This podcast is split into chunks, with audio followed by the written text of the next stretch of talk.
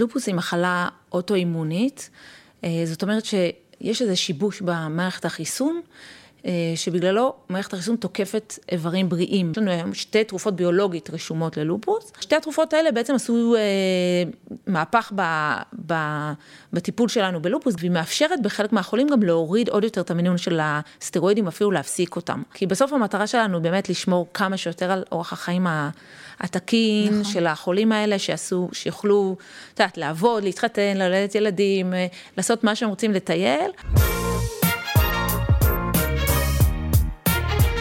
מדיקו, פודקאסט הבריאות בהגשת פרופסור איתן פרידמן וטלי מצ. שיחות עם האנשים שעושים את הרפואה בישראל. טוב, נדבר על מחלת הלופוס, מוכרת גם כזאבת. אמרו פעם שמי שמכיר את המחלה הזו מכיר בעצם את כל עולם הרפואה, כי היא מחלה שפוגעת בכל כך הרבה איברים וגורמים בגוף שלנו, וכמעט מקיפה את כל האספקטים בעולם הרפואה. השם הזה, זאבת, ניתן על שם מעורבות אורית, שיכולה להתבטא גם בפריחה דמוית פרפר מבחינת אזורים על גשר האף ועל לחיים, אבל לא רק. תכף נבין באיזה עוד אופנים היא מתבטאת, והעניק בעצם למחלה הזאת השם של הלופוס זאבת, כי היו שחשבו פעם שהחולים בה מקבלים מראה כזה שקצת מדמה זאב.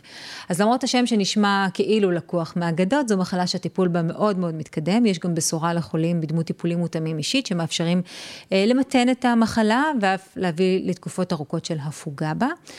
אנחנו הזמנו לנו דוקטור אושרת טייר שיפמן, ראומטולוגית בכירה, מנהלת מרפאת לופוס במרכז הרפואי מאיר. שלום וברוכה הבאה, דוקטור. שלום, תודה. שמחה שאת כאן אצלנו בפודקאסט. בואי ברשותך קודם כל נבין, במובן הכי כללי של המילה, מהי המחלה הזו?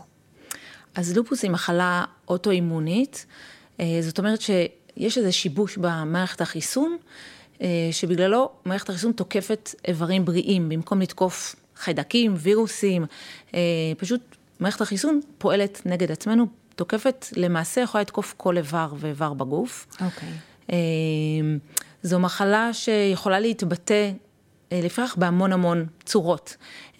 כל חולה או חולה יכולים לראות לגמרי אחרת אחת מהשנייה. אז התיאור הזה של אותו, אותה תפרחת באזור גשר האף, זה, זה ממש לא מחייב. ממש לא מחייב, זה משהו מאוד בולט, ומדברים על הפרפר, והפרפר הוא הסמל של המחלה הזו, אבל יש המון חולים וחולות שבכלל אין להם אה, פריחה, ויש אנשים גם שיש להם פריחה, אבל לא פריחת פרפר. יכולה להיות אפילו המון סוגים של פריחה. Mm-hmm. אז אה, באמת זו מחלה שההבחנה שלה היא לפעמים... טיפה מאתגרת, בוא נגיד את זה ככה, כי באמת המון אופנים של התבטאות של המחלה. אז בואי באמת נדבר על זה. חוץ מעניין הפריחה הזו המדוברת, יש עוד מאפיינים פיזיים? אז הדברים השכיחים שמופיעים במחלה זה עייפות, יכול להיות חום, כמו שאמרנו מעורבות הורית, זה דבר מאוד שכיח, מעורבות של המפרקים.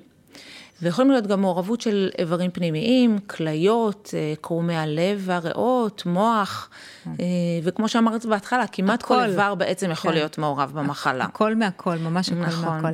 יש כאלה שנוטים יותר לחלות, או שיותר מועדים לחלות במחלה הזאת? אז המחלה שכיחה בעיקר בנשים בגילי הפוריות, אם כי יכול להיות גם, יכולה להיות גם בגברים, וגם בילדים, וגם באנשים מבוגרים יותר, אבל באמת רוב רוב רובם של החולים, הם בעצם חולות שמאובחנות בגילי הפוריות.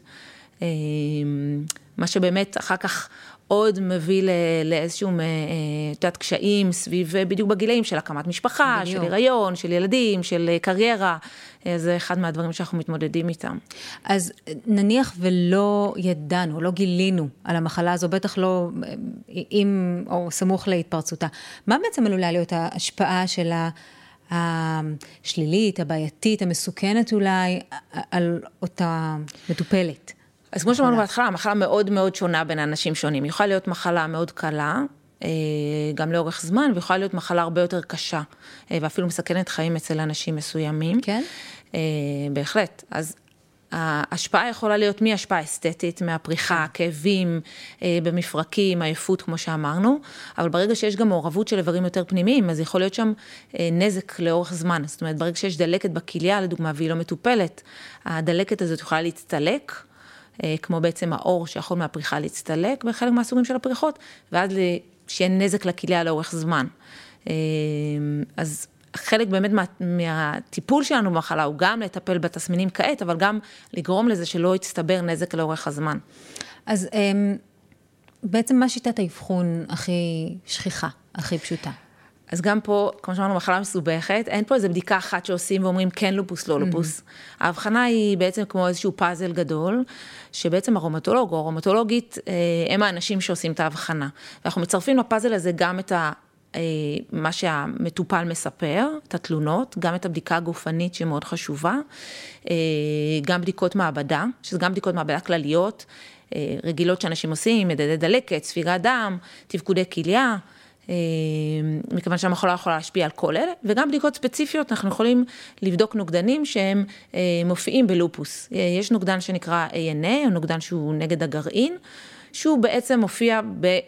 כמעט 100% מה, או 100% מהחולים בלופוס. אז זה מה שעוזר לך לקבל את האינדיקציה המדויקת שאכן מדובר בלופוס, אחרי שעברנו את כל סדרת הבדיקות הקליניות. אז זהו, הבעיה, שוב, הבעיה שקיימת, שהנוגדן הזה הוא קיים בכל החולים, אבל לא כל מי שנושא את הנוגדן יש לו לופוס. יכול להיות להופיע גם אנשים לגמרי בריאים, או אנשים שלוקחים תרופות מסוימות, קרובי משפחה של חולים. מחלה טריקית. מאוד. אה, אז גם זאת אומרת, הנוגדן הוא די מחייב, אבל אה, גם אם הוא ישנו, זה עדיין לא אומר שזה לופוס, ויש לנו איזשהם תת סוגים של נוגדנים שהם יותר ספציפיים, ויש לנו עוד מרכיבים של מערכת החיסון שאנחנו בודקים שהם גם לפעמים, אבל בעצם בסוף, בסוף, בסוף ההבחנה, כמו שאמרתי, היא פאזל גדול, אי אפשר רק להתייחס לאיזשהו פריט אחד ממנו ולהגיד כן או לא. לא יאמן. נכון? מי היה מאמין שזה כל כך מסובך? את יודעת, אה, אה, על פניו זה, יש מחלה, יש בדיקה, נכון. יש אינדיקציות, ולא, וזה הרבה יותר מאתגר מזה. אוקיי, אז אני מדלגת שלב אה, אחרי, אחרי שלב האבחון.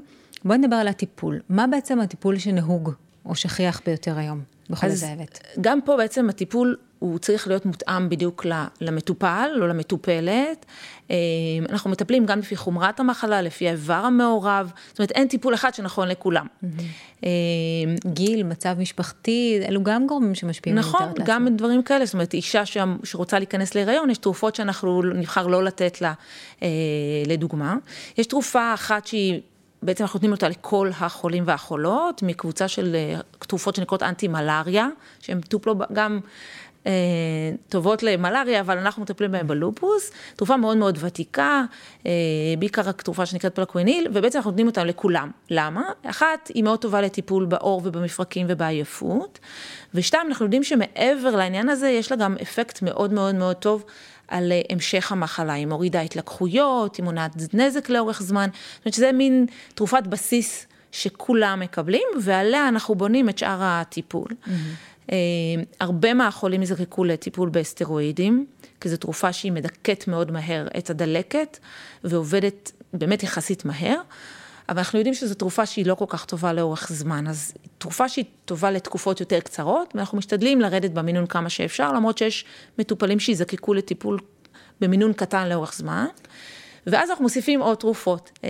בונים אה, סל ממש. כן. סל מותאם אישית.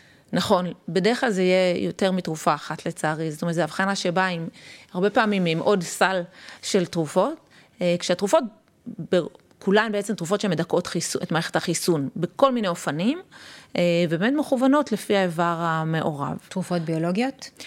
אז זהו, אז ממש בעשור האחרון, עד לפני עשור, לא יצאו תרופות חדשות ללופוס, זה היה ממש מחלה כמעט בלי אפשרויות טיפוליות, ולא הייתה הרבה התקדמות, והרבה מחקרים שניסו לעשות לא היו מוצלחים, בגלל שזו באמת מחלה כל כך מסובכת. כן. אה, לפני עשור יצאה תרופה ביולוגית ראשונה, וממש לפני אה, שנה נכנסה לסל בארץ עוד תרופה ביולוגית, זאת אומרת שיש לנו היום שתי תרופות ביולוגית רשומות ללופוס, ביולוגיות. יש עוד תרופה ביולוגית אחת שאנחנו משתמשים בה לעיתים, אבל היא לא ממש רשומה.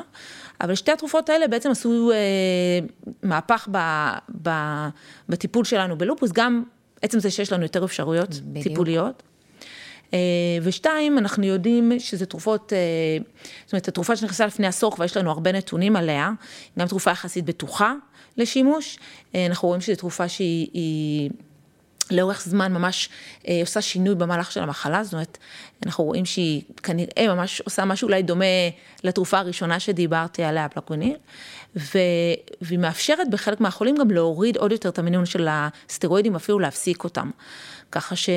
אז היא ממש, ממש בגדר בשורה. זה בגדר בשורה, לגמרי, כן. ואופן הנטילה של התרופה הזו הוא מה? הוא... שתי התרופות הביולוגיות, בגלל שהן ביולוגיות, זה תמיד, תרופות ביולוגיות תמיד זה תרופה תרופות שניתנות בזריקה. כן.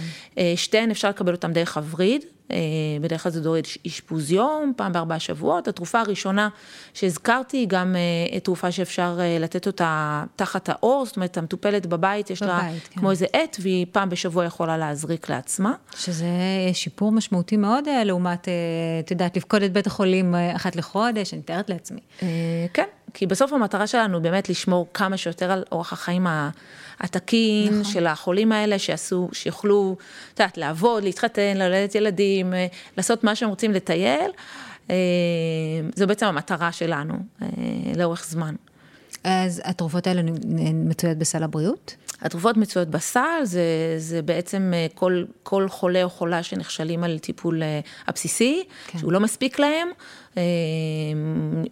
יכולות לקבל את התרופה, אחת משתי התרופות האלה.